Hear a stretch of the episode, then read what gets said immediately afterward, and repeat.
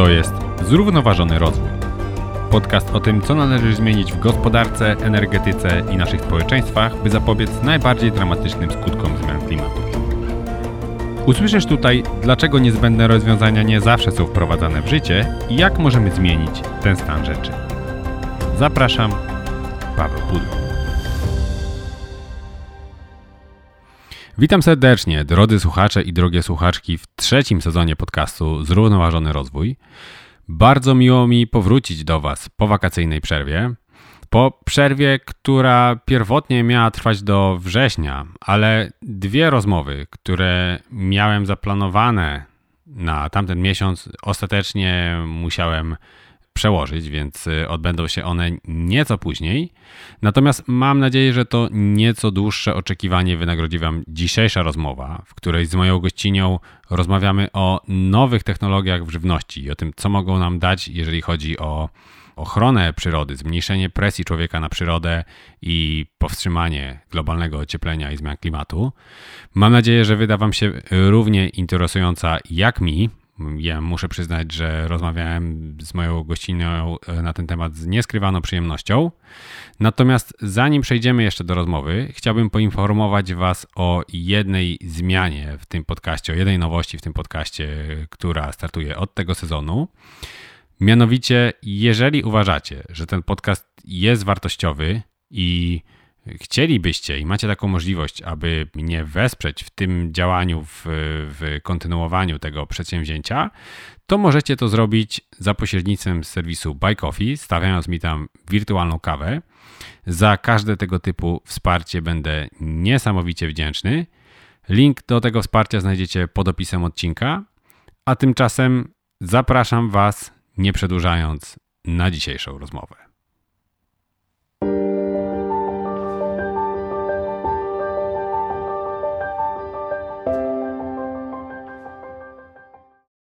W dzisiejszym odcinku moją gościnią jest dr Bogna Borowiec z Fundacji Fota for Climate, liderka projektu Reboot Food w ramach koalicji organizacji ekologicznych Replanet. Witam cię serdecznie. Dzień dobry, witam państwa. Będziemy dzisiaj rozmawiać o nowych technologiach w produkcji żywności, w szczególności o precyzyjnej fermentacji. I na początek e, może takie pytanie, czym jest precyzyjna fermentacja i czym różni się od innych sposobów pozyskiwania białka zwierzęcego w laboratorium? Trochę już jakby ujawniam odpowiedź na to pytanie, mhm. ale jakby w tym kontekście chciałbym, żebyśmy powiedzieli, co to takiego jest i czym się wyróżnia od innych podobnych technologii. Okej, okay. czyli zacznę od tego, że objaśnię w takim najbardziej obrazowym y, sposobie. E, jeżeli chodzi o precyzyjną fermentację, to jest to technologia, która nie jest czymś nowym, ponieważ precyzyjna fermentacja towarzyszy nam od wielu, wielu lat. Sama, sama fermentacja to już są czasy neolityczne, natomiast e, słowo precyzyjna pojawiło się, gdy zaczęliśmy do precyzyjny sposób sterować e, tym procesem. Fermentacja, którą znamy, chyba powinniśmy każdy znać, naj, najbardziej popularnie występująca i najbardziej znana jest to fermentacja alkoholowa, czyli jest to przemiana cukru w alkohol za pomocą e, mikroorganizmów. Natomiast precyzyjna fermentacja zamiast tego etanolu potrafi wytwarzać dowolne e, dowolne składniki. E, w latach 90. XX wieku e, za pomocą precyzyjnej fermentacji zaczęto produkować e, insulinę, która jest lekarstwem na cukrzycę, jak wiadomo, i w tym momencie 98% zapotrzebowania na insulinę na świecie jest produkowane właśnie za pomocą tej precyzyjnej fermentacji, czyli jest to dosyć już do, dobrze upowszechniona i dobrze znana technologia. E, natomiast w tym odcinku będziemy mówić o tym, jak e, w procesie precyzyjnej fermentacji możemy uważać tak naprawdę, czy wyprodukować białka, w dowolne białka. Będziemy rozmawiać o białkach zwierzęcych, które znajdują się na przykład w krowim mleku. Precyzyjna fermentacja jest to też technologia, która właśnie najlepiej e, zobrazujemy sobie ją wyobrażając e, sobie produkcję ważenia piwa, czyli sobie wyobraźmy wielkie srebrne kadzie miedziane, mhm. do których wkładamy słód jęczmienny, do których dodajemy drożdży i potem w procesie fermentacji po kilku dniach otrzymujemy ambrozyjny napój, jakim jest piwo. I otrzymujemy go tylko i wyłącznie dzięki tym mikroorganizmom, które dodajemy, czyli w tym przypadku dodajemy różnego typu drożdże i uzyskujemy różne wysublimowane cechy. E, tylko, że właśnie precyzyjna fermentacja e, też nie od parady nazywa się precyzyjną, bo oprócz tego, że wytwarza tak specyficzne e, białka, które możemy tak naprawdę w tym momencie dowolnie e, wybierać e, spośród palety wszystkich znanych białek, różni się od zwykłej, precyzy- pre- zwykłej fermentacji tym, że mikroorganizmy, które dodajemy do tego procesu, one są również dobrze zaprojektowane. Są one w sposób, dzięki technikom inżynierii genetycznej, możemy wstawić do sekwencji na przykład jakiegoś drożdża bądź e, grzyba, wstawić sekwencję białka, który chcemy wyprodukować, czyli na przykład białka mleka krowiego, czyli po prostu sekwencję DNA od krowy wstawiamy w sobie w drożdże i dodając cukru, te mikroorganizmy e, przetwarzają e, ten cukier i wytwarzają e, na przykład kazeinę bądź serwatkę. Czyli innymi słowy, precyzyjna fermentacja różni się od zwykłej fermentacji, w wyniku której uzyskujemy właśnie na przykład piwo, tym, że modyfikujemy te mikroorganizmy w taki sposób, aby one y, jako ten produkt, który uzyskujemy w wyniku fermentacji, dawały nam konkretne białko. Dokładnie. To może jeszcze do tego tematu, czym to się różni od jakie są inne metody pozyskiwania białek zwierzęcych w, właśnie w procesach laboratoryjnych, to do tego może jeszcze powrócimy, mhm. ale co możemy zyskać tak naprawdę o, dzięki temu procesowi precyzyjnej fermentacji? Co nam to może dać? Bo jakby mm, o tym jeszcze pewnie powiemy. Udaje się dzięki temu procesowi różnym firmom, inicjatywom właśnie pozyskiwać takie białka, o których wspomnieliśmy, o których jeszcze opowiemy, ale jakie korzyści możemy uzyskać dzięki temu, gdyby ten proces był wykorzystany na dużo większą skalę niż obecnie? Generalnie ilość korzyści, którą e, moglibyśmy uzyskać dzięki zastosowaniu i upowszechnieniu tej technologii jest bardzo, bardzo duża. Także nawet zastanawiałam się nad tym, jakie negatywne skutki może przynieść tak, prowadzenie tej technologii tak naprawdę w aspekcie globalnym. E, I wydaje mi się, że tutaj e, też musimy się liczyć z tym, że e, są też i negatywne skutki. Jedyne, o jakich właśnie pomyślałam, to takie skutki mocno związane z jakąś taką historią antropogeniczną. Możemy stracić, nie wiem, poczucie tradycji czy, czy historii z pokoleniem, ponieważ dieta mięsna oparta na mięsie jest wiąże się jakby z całym powstaniem ludzkości. Natomiast w tym momencie z ilość spożywanego mięsa i nabiału przez y, populację na całym świecie. Szacuje się, że do 2050 wzrośnie ona jeszcze około 15%, a obecnie na chwilę obecną sama produkcja zwierzęca, produkcja nabiału, produkcja paszy pod y, hodowlę zwierzęcą zajmuje powierzchnię około obu Ameryk. Proszę sobie wyobrazić, że to jest y, naprawdę bardzo duży areał, więc dzięki zastosowaniu precyzyjnej fermentacji moglibyśmy zmniejszyć ilość hodowli y, zwierzęcej, na, na, zamienić ją na fermentowanie, czyli ważenie tych białek zamiast na hodowlę bydła i, i, i przekształcanie naszej planety w jedno wielkie pole soi. E, także, w, no i co za tym idzie, jest to w, w obecnym momencie naszego kryzysu klimatycznego. No, byłoby to na pewno coś, co mogłoby powstrzymać te długofalowe skutki tak naprawdę niszczenia tej planety konsekwentnego, tylko i wyłącznie, żeby żywić ludzi. Bo... Mam tutaj też, e, przygotowałem e, trochę danych. E, mhm. To jest bardzo obrazowe porównanie, że moglibyśmy oszczędzić powierzchnię tych dwóch Ameryk.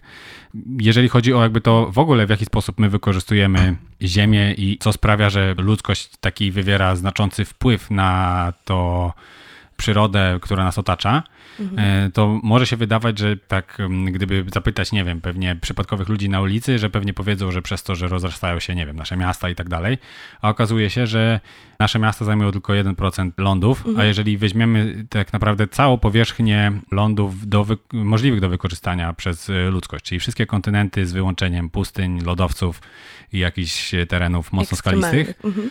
E, no to okazuje się, że 46% tego zdatnego lądu do użycia wykorzystujemy właśnie na rolnictwo, mhm. z czego 77% tej niemalże połowy to te tereny, które uzyskujemy do pozyskania właśnie mięsa i nabiałów, czyli pastwiska, mhm. uprawa pasz dla właśnie zwierząt e, hodowlanych, a tylko ta niecała jedna czwarta to jest, są hodowla, uprawa roślin, które my spożywamy bezpośrednio jako, mhm. jako ludzie.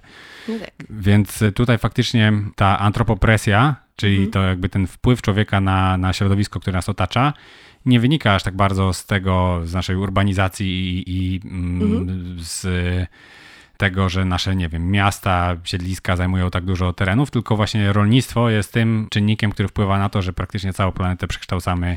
Dokładnie, dokładnie. Rolnictwo jest też czynnikiem, dzięki którym y, oprócz y, braku, braku lądu, zanikania różnorodności, zanikania gatunków, wymierania gatunków, no, generuje generalnie około 1 trzecią wszystkich gazów cieplarnianych, także zastępując go innymi technologiami, również przyczynilibyśmy się tutaj może do spowolnienia pewnych y, y, kwestii katastrofalnych dla, dla klimatu. No, generalnie produkcja zwierząt jest bardzo szkodliwa dla naszej planety i jest na to bardzo duża ilość dowodów chociażby, y, chociażby właśnie stosowanie tych antybiotyków, które w 80% wykorzystuje się tylko i wyłącznie do, y, do przemysłowego hodowa, chowu zwierząt gospodarskich. I generalnie tak naprawdę nie, nie, do, końca, nie do końca chyba o to, o to chodzi, myślę, że, że w naszym życiu na tej planecie.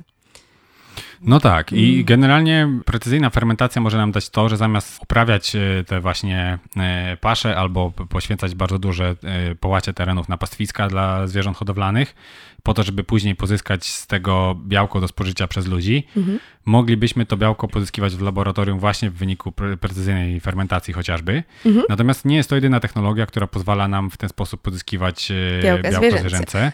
Mhm. Więc y, pytanie, jakie są inne drogi do tego i czym się różnią one od precyzyjnej fermentacji i czy ma ona jakąś powiedzmy przewagę nad tymi innymi technologiami, które jakby też są rozwijane przez różne firmy, startupy. Mhm. Y, to równoległą do precyzyjnej fermentacji technologią, która jest równie w tym momencie y, rozwijana i doinwestowana i jest technologia pozyskiwania mięsa komórkowego w laboratorium, czyli laboratorium w bioreaktorach y, pozyskujemy tak naprawdę mięso takie z komórek zwierzęcych. Na chwilę obecną jest już to technologia tak daleko posunięta, że nie potrzebujemy na przykład surowicy bydlęcej. Była to taka bariera duża dosyć właśnie w komercjalizacji tego całego procesu, że jednak do hodowli mięsa komórkowego na szalkach laboratoryjnych, bioreaktorach, żeby mm, odżywić dobrze te, te y, hodowle, była stosowana surowica bydlęca. I to już również nie wpisuje się w konspekt właśnie tego zrównoważonego powstawania takich białek. Y, I w tym momencie mamy bardzo duży przeskok, jeżeli też chodzi o, o koszty wytworzenia takiego mięsa komórkowego, bo nie wiem, czy, czy pamiętasz, jak powstawały pierwsze takie steki laboratoryjne paręnaście lat temu i była to kwota około 200 tysięcy dolarów za takiego kotleta. E, w tym momencie już ta technologia na chwilę obecną kosztuje, nie wiem, około 4-5 dolarów za, za takiego kotleta, więc no, to... już całkiem konkurencyjne. Tak, jest to już bardzo konkurencyjne, w szczególności, że mm, tak naprawdę produkcja mięsa i mięso, które kupujemy u nas w supermarketach, e, to są mm, ceny, które zapłacimy za to mięso, to są ceny do przez rząd i tak naprawdę gdyby nie dostawać tych wszystkich dotacji od, od, od rządu na, na produkcję zwierzęcą, kosztowałyby one w tym momencie równie, e, równie podobnie co mięso hodowane komórkowo. Technologia mięsa hodowanego komórkowo e, jest, e, może być właśnie dobrze uzupełniana przez precyzyjną fermentację, ponieważ e, możemy dzięki precyzyjnej fermentacji wytworzyć wiele składników mediów hodowlanych, dzięki któremu te mięsa komórki się będą odżywiać, dzielić i tworzyć strukturę podobną do, do steka, czy, czy kotleta, czy nuggetsa. Więc tak, są to dwie technologie, które w żadnej bym absolutnie nie faworyzowała, ani wypierała. Myślę, że są y, wszystkie technologie służące zrównoważonemu produkcji białek muszą iść po prostu równolegle i każda z nich powinna po prostu dołożyć jakąś cegiełkę do, do całego zapotrzebowania białek na świecie. Okej, okay, czyli y, możemy dzięki temu uzyskać, y, tak jak wspomnieliśmy, białka występujące w mleku. Mhm. Możemy uzyskać dzięki temu mięso i to mięso, które jakby faktycznie przypomina stek lub tak, jest, jakby jest, stekiem, jest tak. stekiem. E, jakby nie, nie, nie tyle, że przypomina go, czyli jakby faktycznie jest tego typu żywnością, co dla osób, które, e, no bo um, umówmy się, niektóre osoby i jakby jest to bardzo godne e, pochwały i, i, i, budujące, że jakby rezygnują z przyczyn, nie wiem, etycznych czy e, klimatycznych z, ze spożycia mięsa lub mhm. redukują to spożycie mięsa. Ja też staram się jeść mięsa mniej Oczywiście. w swojej codziennej diecie. Natomiast e, faktem jest, że wiele osób właśnie dlatego nie chce zrezygnować, ponieważ, no nie wiem, te zamienniki i jakby im nie smakują, więc jesteśmy w stanie w ten sposób pozyskać dokładnie, Burgery. dokładnie takie mięso, jakie, jakie pozyskujemy w tym momencie w sposób mhm. dużo mniej etyczny, z dużo większymi kosztami dla dobrostanu zwierząt hodowlanych, I dla, dla środowiska i tak. Oczywiście. Jest to, jest to jak najbardziej możliwe i jest to jak najbardziej też już w praktyce stosowane w niektórych miejscach na świecie. Stany Zjednoczone, Singapur są to dobre przykłady właśnie miejsc, gdzie ta technologia jest rozwijana bardzo intensywnie i e, w e, FDA w Stanach Zjednoczonych, bo to jest e, struktura, która odpowiada za wprowadzenie regulacji do wprowadzania nowych obrotów żywnościowych i farmaceutycznych na rynek. Y, bardzo szybko wydała pozwolenie na y, rozwój tej y, technologii i upowszechnianie jej, zastosowanie tych białek jako tak zwane generalnie bezpieczne białka ponieważ no, tak, udowodniono naukowo, że białka powstałe w ten sposób, właśnie czy w precyzyjnej fermentacji, czy w procesie hodowli komórkowej mięsa, są analogicznie identyczne pod wieloma składnikami, tak samo jak i organoleptycznymi pod kątem fizykochemicznym, biochemicznym. Jest to po prostu to samo dokładnie białko, które spożywamy, e, więc uznała to po prostu za generalnie e, bezpieczne. Dzięki temu przyspieszy to na pewno mocno rozwój tej technologii. Tak, a jeżeli chodzi o takie produkty pochodzenia zwierzęcego, no to e, skoro możemy pozyskiwać w ten sposób mleko, mięso o różnych, z pochodzenia od różnych zwierząt, zastanawia mhm. mnie na przykład taki jeden produkt, którego spożycie też rośnie na świecie, e, a mianowicie kurze jaja. Czy mhm. jakby w ten sposób jesteśmy w stanie pozyskać coś podobnego do... Yy... Jak najbardziej.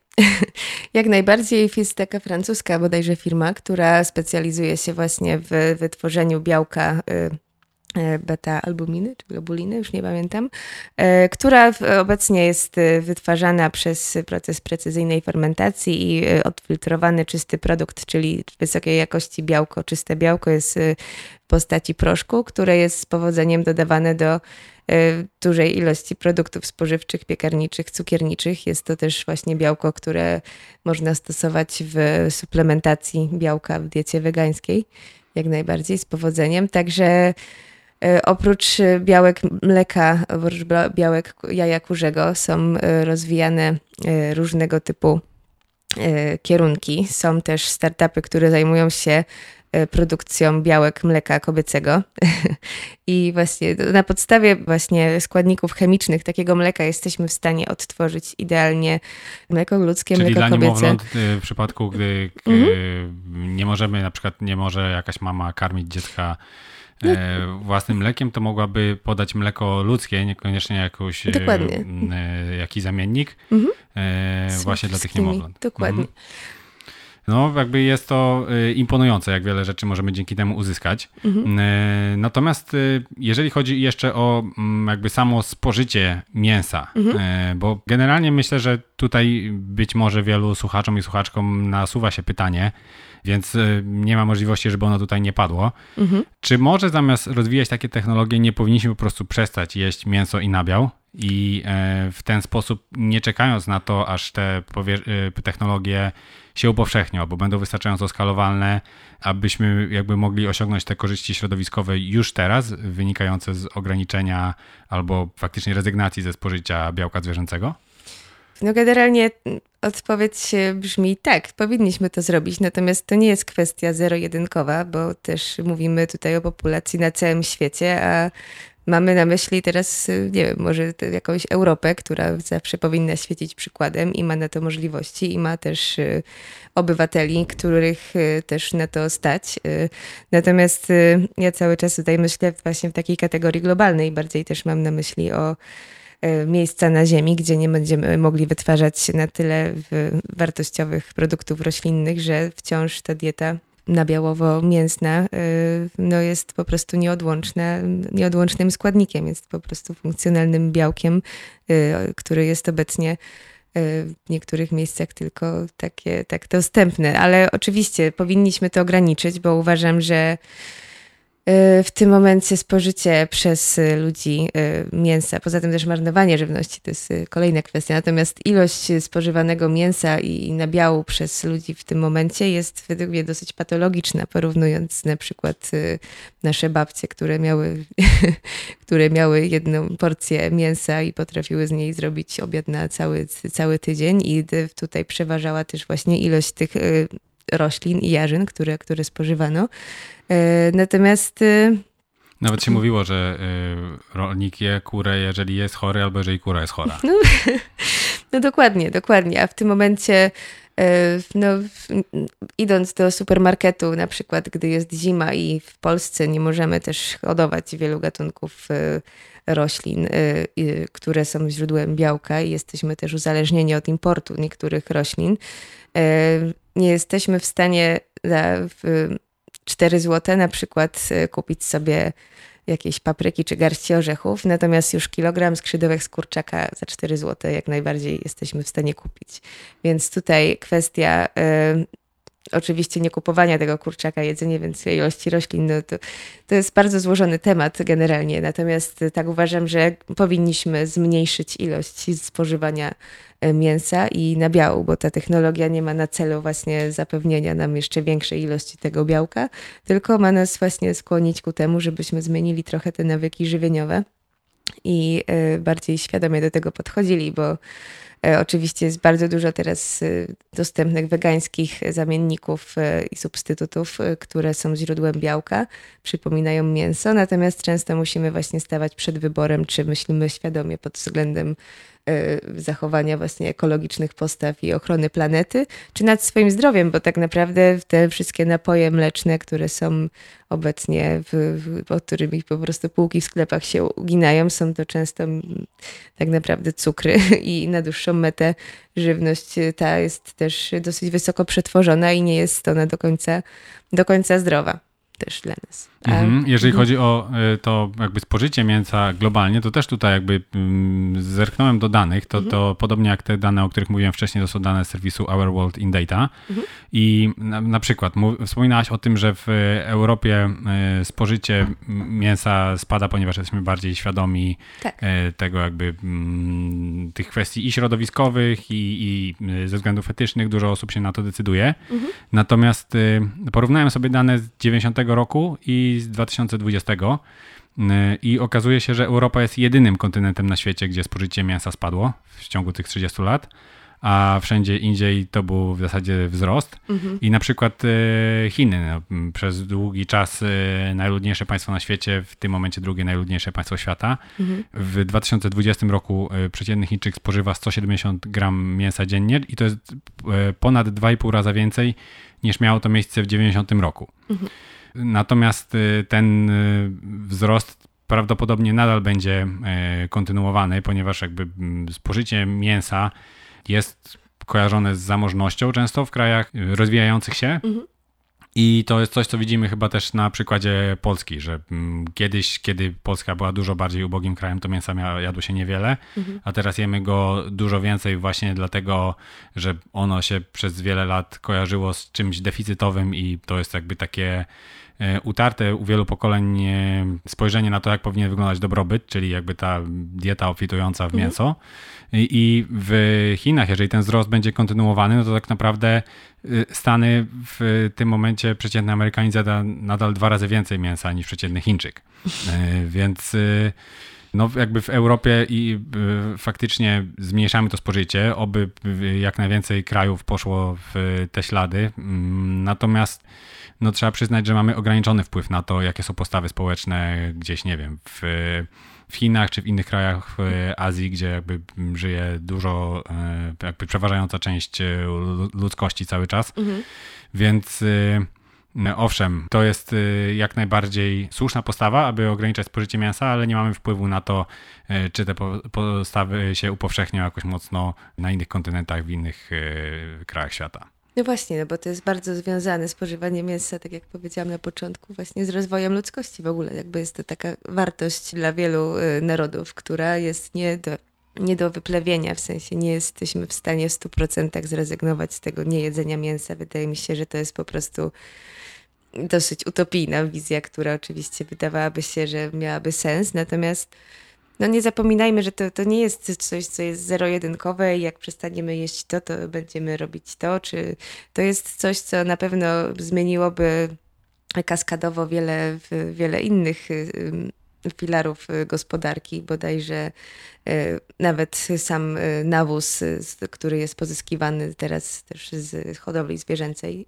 jakbyśmy go całkowicie wyeliminowali. No, wiesz o co mi chodzi, w mhm, sensie, że mhm. to nie jest coś, co co możemy powiedzieć tutaj, nie jemy mięsa i jemy rośliny i wszystko będzie dobrze, tylko właśnie też... Y, no tak, powinniśmy go spożywać mniej, ale jakby mhm. też jakby to, gdyby to spożycie spadło do zera i hodowla zwierząt, to mhm. też jakby mm, miałoby to, miałoby to dokładnie. Y, pewne trudności rodziło Dlatego... dla rolnictwa, również uprawy, dla uprawy roślin. Mhm, dlatego też y, myślę, że wszystkie technologie związane z Y, te, z pozyskiwaniem białka, tak samo jak jest to precyzyjna fermentacja, hodowla komórkowa mięsa, tak samo jak właśnie technologie wspierające dalej y, produkty plant-based, czyli właśnie oparte na roślinach i stosowanie też różnych, te, udoskonalenia też procesów hodowli tych, tych roślin pod względem na przykład oporności na E, na suszę czy czynniki klimatyczne, żeby też y, te plony były o wiele wyższej jakości, mając mniej, zajmując mniej areału.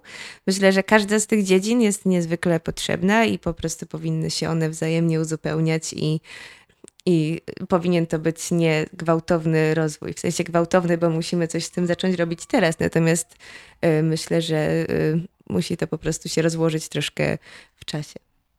Mhm. No i jeszcze druga rzecz, która przychodzi mi do głowy, że to jest ten temat, tak jak mówiłaś, y, to jest też y, bardzo ważne kulturowo dla mhm. wielu społeczności Dokładnie. i to jest temat, który można, różni populiści mogą bardzo łatwo wykorzystywać w celach. Mhm. E, tak, dokładnie, żeby zbić na tym kapitał polityczny, mhm. nie troszcząc się o to, jakie są tego koszty dla społeczeństw, dla środowiska. I jakby widzieliśmy to bardzo po tym, gdy e, Unia Europejska dopuściła białko owadów mhm. do, do spożycia. No jak wielki, za przeproszeniem, shitstorm się Dokładnie. rozpętał w internecie i jak wielu polityków e, próbowało jakby zbić na tym kapitał, mhm. na tej właśnie obawach, że czegoś nam zabronią. Mhm. Natomiast ta jakby laboratoryjna hodowla, jakby, czy, czy tam w drodze precyzyjnej fermentacji pozyskiwanie e, w ten sposób e, białka zwierzęcego pozwala mm, zachować to w diecie, jeżeli ktoś na przykład nie jest w stanie albo no, nie, nie, chce, nie chce zrezygnować z tego. To jest tak, że to też jest nie, niezdrowe. Chodzi o to, że to właśnie, że to w rozsądnych ilościach to białko jest, jest bardzo potrzebne, także nie chcę tutaj demonizować tych, tych białek, bo one są dobre. E, I no jakby się dało, to dobrze by było, żebyśmy z nich do końca nie rezygnowali. Więc. No tak, a nie mamy też wpływu na to, jak bardzo y, ograniczą to ludzie w innych społeczeństwach. No mhm. jakby w naszych możemy tutaj powiedzmy przekonywać i y, też jakby swoją postawą inspirować innych. Ale jakby w skali świata faktycznie mm, te technologie mogą nam bardzo, bardzo pomóc. Mhm. I stąd y, moje pytanie, jakie są w zasadzie główne trudności w tym, aby wprowadzić to na większą skalę? Czy to są kwestie tylko finansowe, ale z drugiej strony powiedziałeś, że to mięso mm, uzyskiwane w drodze precyzyjnej fermentacji jest w stanie kosztować 5 dolarów za kilogram, więc pytanie... Nie za kilogram, powiedziałam, że za kotletę. Za takiego. kotleta, przepraszam. za kilogram w tym momencie to jest, y, myślę, że około 60 dolarów. Jest to identyczna kwota gdybyśmy odjęli wszystkie dotowane y, do, dotacje do mięsa, które kupujemy obecnie. Okej, okay, czyli mamy część odpowiedzi, że jakby to mięso y, pozyskiwane ze zwierząt jest takie tanie, jest dlatego że jest momencie. dotowane i to tak. zarówno w Stanach, jak i w Europie, jakby wspólna polityka Dokładnie. rolna y, dopłaca do posiadanych tak, zwierząt są to, jest to bardzo duże, tak, 60% około jest dotowa dotowania do takiego, do do produkcji takiego mięsa i y, dlatego możemy właśnie kupować je Okej, okay, czyli już sposób. gdyby usunąć te do, do, mhm. dotacje, to już to mięso Jest e, laboratoryjne byłoby konkurencyjne. Dokładnie. Wow.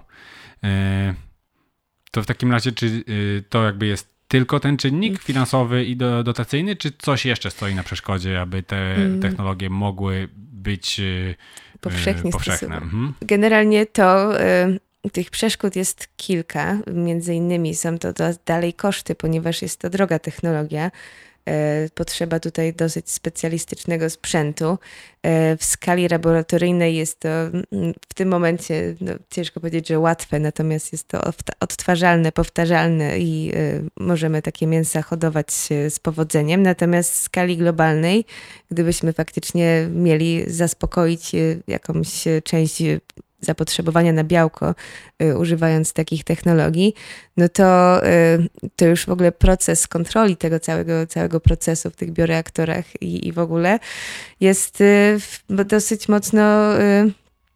Tak, jest, jest to dosyć problematyczne, dlatego tutaj też wkracza na przykład sztuczna inteligencja, która też pomaga w programowaniu takich całych procesów bioreaktorów na bardzo dużą ilość, bardzo dużą e, ilość na taką skalę właśnie przemysłową już, gdzie produkujemy 5 ton na przykład białka i gdzie, tak, i żeby ten proces był powtarzalny i żeby ten produkt był po prostu jakościowo cały Czyli czas chodzi o to, żeby sam. utrzymać e, cały czas tą samą temperaturę, wilgotność i tak dalej. Tak? tak, tak, tak, dokładnie. I to właśnie w takich już dużych, dużych kadziach.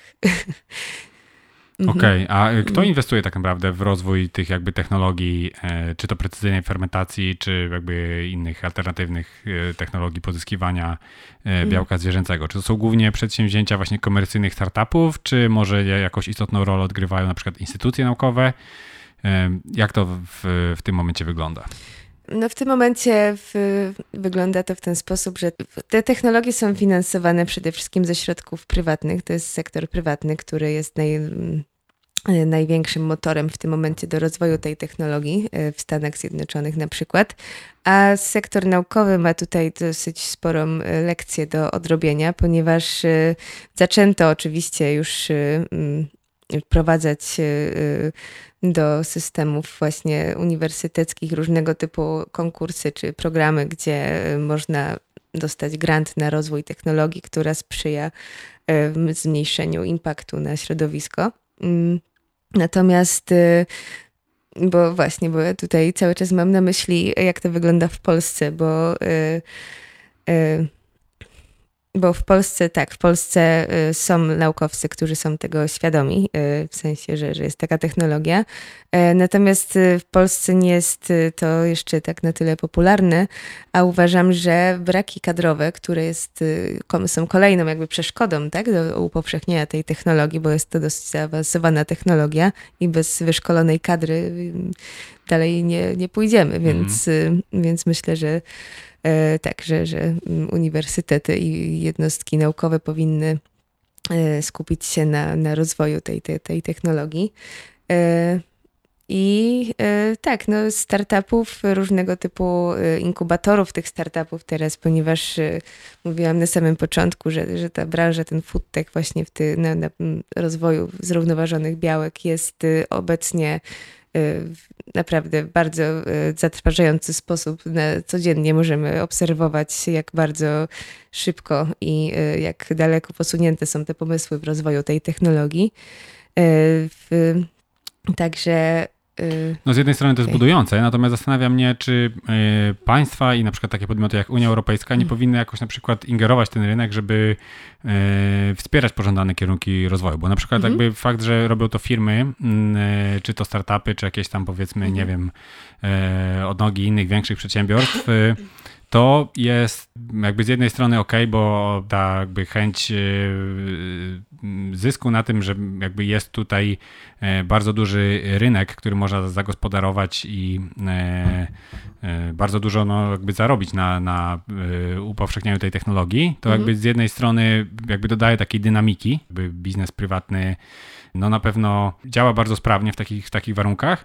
Natomiast y, z drugiej strony, czy nie wiążą się z tym jakieś ryzyka? Na przykład, że przeszkodzi to w powszechnieniu tej, tych technologii na szeroką skalę, mhm. bo na przykład y, przedsiębiorstwa będą chciały chronić y, Patenty. swoje patenty, Oczywiście. bo na przykład będą zgłoszą jako patent, dajmy na to, kod genetyczny danego, mhm. nie wiem, mikroorganizmu, który jest w stanie konkretne białko pozyskiwać mhm. i inne podmioty, czy to, nie wiem, właśnie instytucje naukowe, czy inne przedsiębiorstwa, które mogłyby mieć dobre pomysły, w jaki sposób też, nie wiem, upowszechnić skalowalność, e, zwiększyć skalowalność tego, e, mhm. tego typu e, działalności, nie będą w stanie czerpać z tego korzyści, dlatego że ktoś już jakby był pierwszy, uprzedził ich i opatentował organizm, który na przykład, mikroorganizm, który ktoś byłby w stanie dojść do niego nieco później, samodzielnie, mhm. ale nie jest w stanie tego zrobić właśnie przez to, że potencjalnie.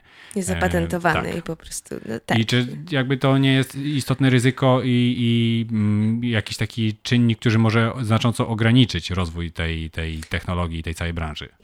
Jeżeli chodzi o ingerencję y, na przykład Unii Europejskiej w proces rozwoju, w procesie rozwoju tej technologii, uważam, że jest ona niezbędna y, i właśnie powinna skupiać się na y, ograniczeniach patentowych, na przykład dajmy na to do 10 lat żeby taki patent trwał, a potem można będzie go wykorzystywać powszechnie. Okej, okay, czyli jakby taki złoty środek, tak, żeby firma mogła korzystać z patentu przez 10 lat, no, e, ale później, żeby mm, mógł być, mogło być wykorzystywany wiem, później. dany mikroorganizm, czy jakby czegokolwiek dotyczy mhm. patent wykorzystywany przez wszystkie podmioty. Mhm, no właśnie, bo teraz to, e, przez to, że jest to mocno rozwijane w sektorze prywatnym, też e, nie mamy na, na, tyle dużo danych literaturowych, które byśmy chcieli e, mieć. W sensie na przykład jest te publikacje niektóre, które są. Czyli innymi słowy, ta wiedza zostaje w przedsiębiorstwach, a nie tak, jest dokładnie. powszechna na przykład przez uniwersytety. Do... Mhm, okay. mhm. I, i tak, mamy, mamy dosyć ograniczone dane.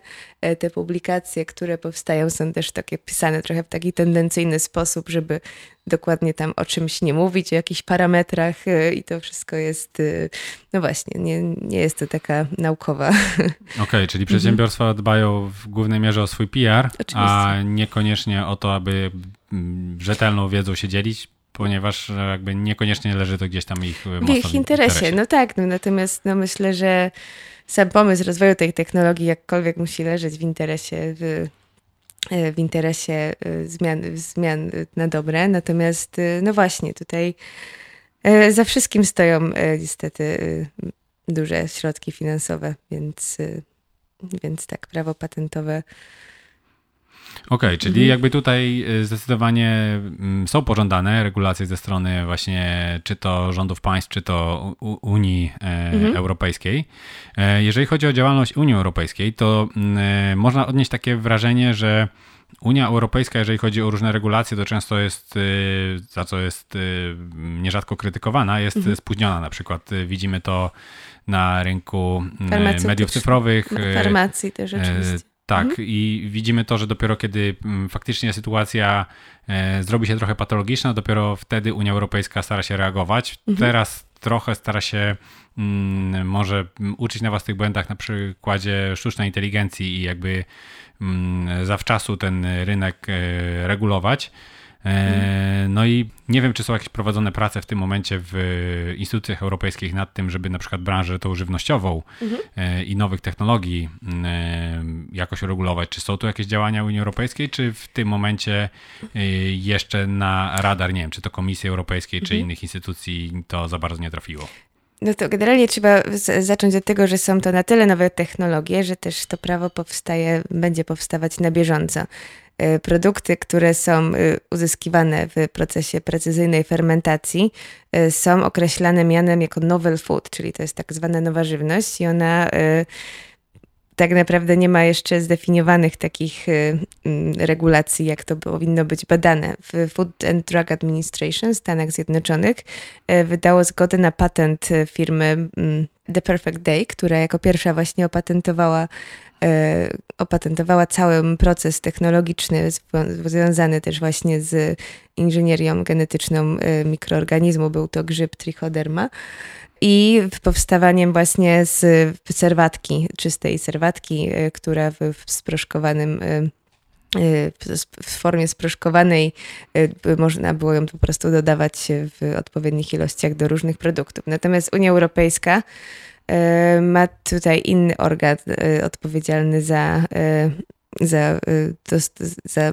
możliwość udostępnienia Y, znaczy za możliwość w ogóle wprowadzenia takiego produktu na, na, rynek, na rynek spożywczy, bo y, tak jak i w przypadku na przykład GMO, y, Unia Europejska potrzebuje na to około 5-10 lat się szacuje, żeby przeprowadzić wszystkie badania związane z czynnikiem długofalowym oddziaływania jakiegoś składnika, mimo że jest to białko, które jest identyczne i analogiczne i, i już stosowane powszechnie w Y, w naszym codziennym życiu i w Stanach właśnie już możemy kupić sobie mleko, które jest y, y, pod względem chemicznym, biochemicznym i, tak jak mówiłam, organoleptycznym, identyczne jak mleko krowie i, i odżywczy, odżywczym oczywiście. Natomiast właśnie Unia Europejska ma troszkę inne podejście do do y, badania tych, tych rzeczy. No 10 lat w, w kontekście tych wyzwań, które mm -hmm. jakby stoją w związku z kryzysem klimatycznym i naszym śladem środowiskowym, który mamy jako ludzkość, no to jest strasznie dużo. To jest strasznie dużo. Czas ucieka, dokładnie. Także myślę, że tutaj przychylenie się y, y, Unii Europejskiej, żeby te technologie móc wprowadzić szybciej do, mm, do obrotu i pozwolić na, na spożywanie jej, ponieważ jest to niezbędne, żeby, żeby ta technologia mogła być upowszechniona, właśnie regulacje na y, pozwolenie na, na, na dostępność, pozwolenie na, na spożywanie takiego takiego białka. Natomiast tutaj Zwłaszcza, też... że mówi, że to jest to sam, ten sam produkt, dokładnie, tylko dokładnie. pozyskany w inny sposób. Mhm. Dokładnie. Natomiast to wiadomo, że to też jest związane mocno z opinią publiczną, ponieważ wciąż ludzie e, czy coś, czego, czego nie wiedzą, pozyskiwane jest w laboratorium, zawsze to po prostu budzi jakiś taki, e, no jakiś taki niepokój społeczny, tak? Budzi jakieś różne teorie spiskowe, że, że mm, no wiadomo, jak to z teoriami spiskowymi. E, no, ale tutaj też warto zauważyć, że ten czas jest też mocno uzależniony od tego, że lobby przemysłu spożywczego jest naprawdę olbrzymie i to też nie jest y, nie bez y, powodu, y, będzie to trwało tyle lat, o ile, o ile w ogóle, bo niestety są to bardzo potężni gracze na, na rynku światowym i europejskim i nie jest to takie hop Okej, okay, czyli jakby chronią po prostu swoje interesy. Dokładnie. A jeżeli chodzi o działalność Unii Europejskiej, to jeszcze o jednym wątku chciałbym mhm. E, porozmawiać. E, mianowicie e, rolnictwo ekologiczne jest przez Unię Europejską mocno wspierane. Zgodnie z Europejskim Zielonym Ładem Komisja Europejska chce, żeby do 2030 roku była to jakby jedna czwarta powierzchni rolnej e, Unii Europejskiej była wykorzystywana właśnie na rolnictwo ekologiczne. W tym momencie to jest około 10%. No i pytanie, czy to jest e, dobry kierunek, czy może nie jest to takie do końca pozytywne? Czy rozwój właśnie rolnictwa ekologicznego to jest coś, co powinno iść w parze z rozwojem nowych technologii, takich jak chociażby precyzyjna fermentacja? Czy jest to coś, e, co jakby niekoniecznie jest jakby w 100% mm.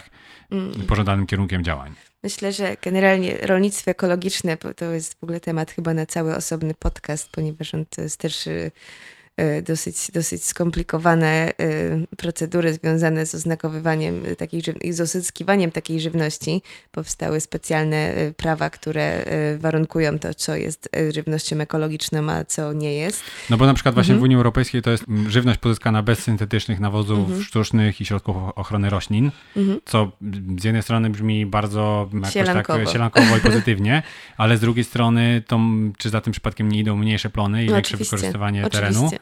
To jest żywność bez GMO, co jakby też jest tematem na mhm. totalnie mm, jakby cały podcast. osobny odcinek. E, więc jakby dlatego właśnie pytam o to, czy to jest dobry kierunek, bo mm, generalnie jak ktoś pomyśli żywność ekologiczna, to od razu budzi to pozytywne skojarzenia i że może to jest that's the way to go. Mhm. No i pytanie, czy faktycznie to jest pożądany kierunek, czy biorąc pod uwagę te minusy, na przykład niższe plony albo to wykluczenie GMO, mhm. E, czy nie jest to no, coś, co niekoniecznie przyniesie takie korzyści, jakie może moglibyśmy się spodziewać? Myślę, że, że w, no generalnie na, na, taką, jakby patrzeć pod kątem wyżywienia w jakiejś ilości ludzi, która jest wyżywiana w tym momencie przez rolnictwo konwencjonalne, no to tak, na pewno musielibyśmy, potrzebowalibyśmy o wiele większego areału, żeby przynieść i tak samo, y, takie same procentowo, ilościowo plony y, z takich dwóch poletek dla porównania konwencjonalnego i ekologicznego.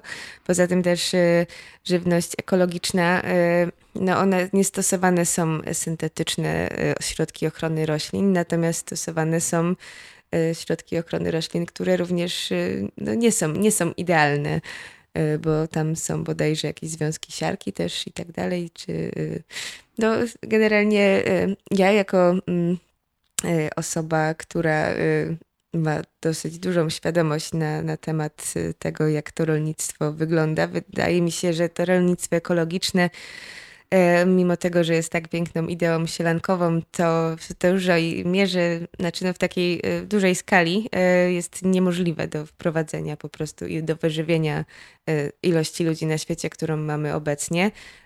Natomiast no, też nie jestem aż tak przeciwna temu, że absolutnie i myślę, że mogłoby się to rolnictwo ekologiczne z dużą śmiałością rozwijać po prostu jako osobna Y, technolo- w sensie równoległa technologia do tych wszystkich rzeczy, o których wspomnieliśmy, że to jest. Y, y, natomiast nie na taką, nie na taką skalę. Nie wiem, czy, czy wiesz, czy się nie spoplątałam teraz trochę.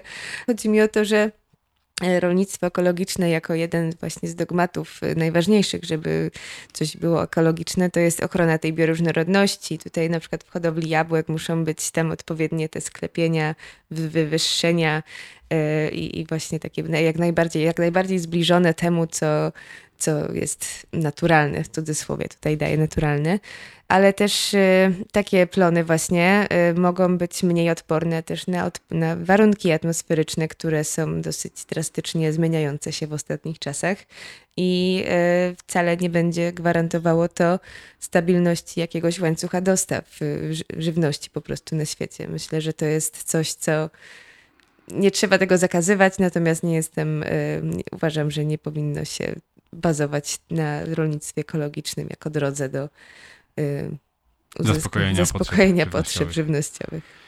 Okej, okay, czyli y, jako uzupełnienie jak najbardziej, mhm. y, ale jeżeli by Unia Europejska faktycznie poszła w tym kierunku wsparcia dla rozwoju tych y, technologii, które pozwala, pozwalają nam oszczędzić właśnie mhm. te mm, wielkie powierzchnie terenu, o których mówiliśmy mhm. w, na początku odcinka, E, to pewnie wtedy dużo większy było, byłby potencjał do tego, aby pozwolić sobie na to rolnictwo mhm. ekologiczne, które jakby ze wszystkimi e, korzyściami, które z tym idą i te powiedzmy wady w porównaniu do rolnictwa konwencjonalnego, czyli na mhm. przykład mniejsze plony, nie byłyby takie dotkliwe, gdybyśmy byli w stanie e, żywność pozyskiwać. W... Na tym samym, dokładnie. Mhm. E, to w takim razie e, na koniec, jakie jeszcze działania są potrzebne, aby te nowe technologie upowszechniły się i aby faktycznie zmniejszył się wpływ, jaki współcześnie rolnictwo wy e, wywiera na planetę? Mówiliśmy na planetę i na mhm. ekosystemy. Mhm. Mówiliśmy o zmniejszeniu dotacji do, do produkcji, produkcji zwierzęcej. zwierzęcej. Mhm. Mówiliśmy o regulacjach tego, w, w jakim kierunku ten, ten, ta, ta branża nowych technologii może się rozwijać. Czy mhm. jest coś jeszcze, co powinny mm, zrobić rządy państw czy instytucje europejskie, aby przyspieszyć to, mhm. Mm, tą rewolucję w żywieniu, która zmniejszy nasz, y, naszą antropopresję I na nasz planetę? footprint, tak, w sensie...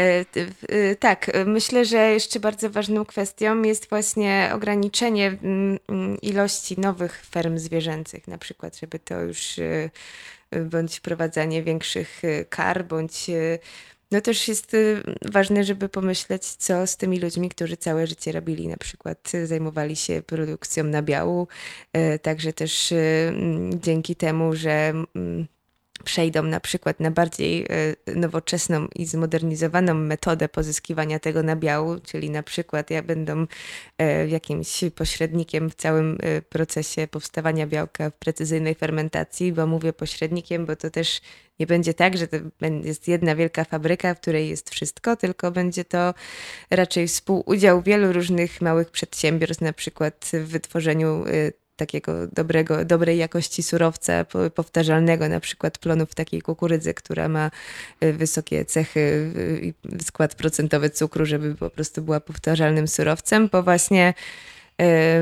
pana, który w stodole sobie wstawi fermentator. ja mówię to tak jakby trochę, trochę utopijnie, natomiast tak, to będzie kwestia bardziej współpracy, nie będą to wielkie fabryki.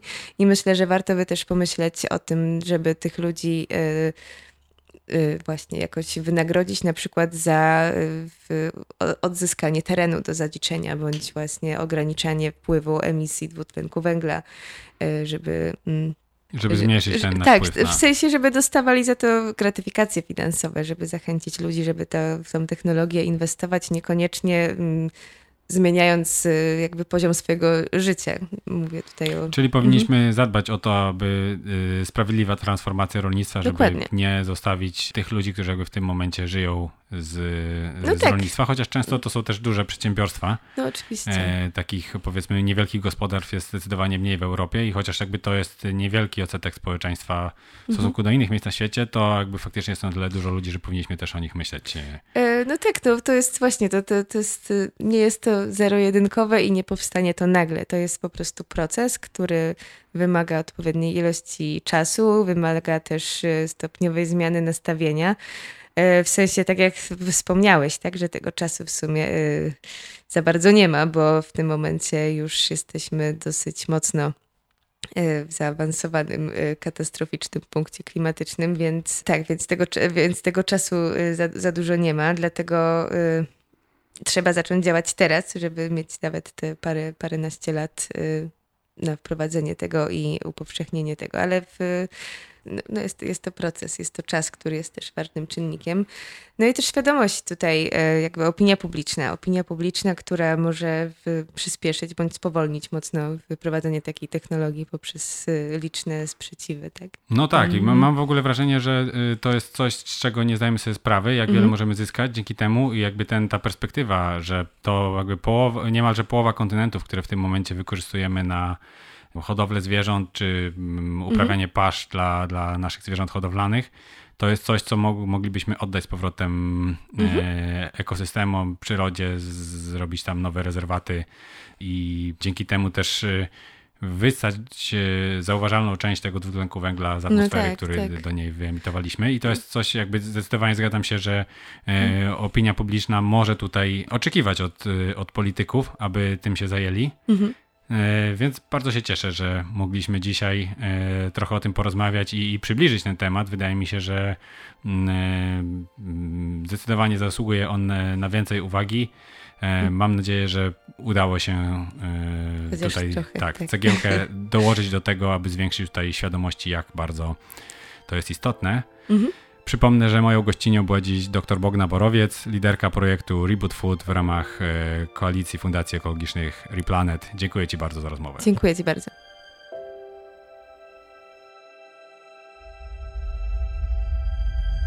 W dzisiejszym odcinku to już wszystko. Niezmiernie mnie cieszy, że wysłuchaliście tej rozmowy do samego końca. Jeżeli chcielibyście wesprzeć ten podcast, to możecie to zrobić za pośrednictwem serwisu Buy Coffee Link do tego znajdziecie pod opisem odcinka. A tymczasem dziękuję Wam bardzo za dzisiejszą uwagę i do usłyszenia w kolejnym odcinku.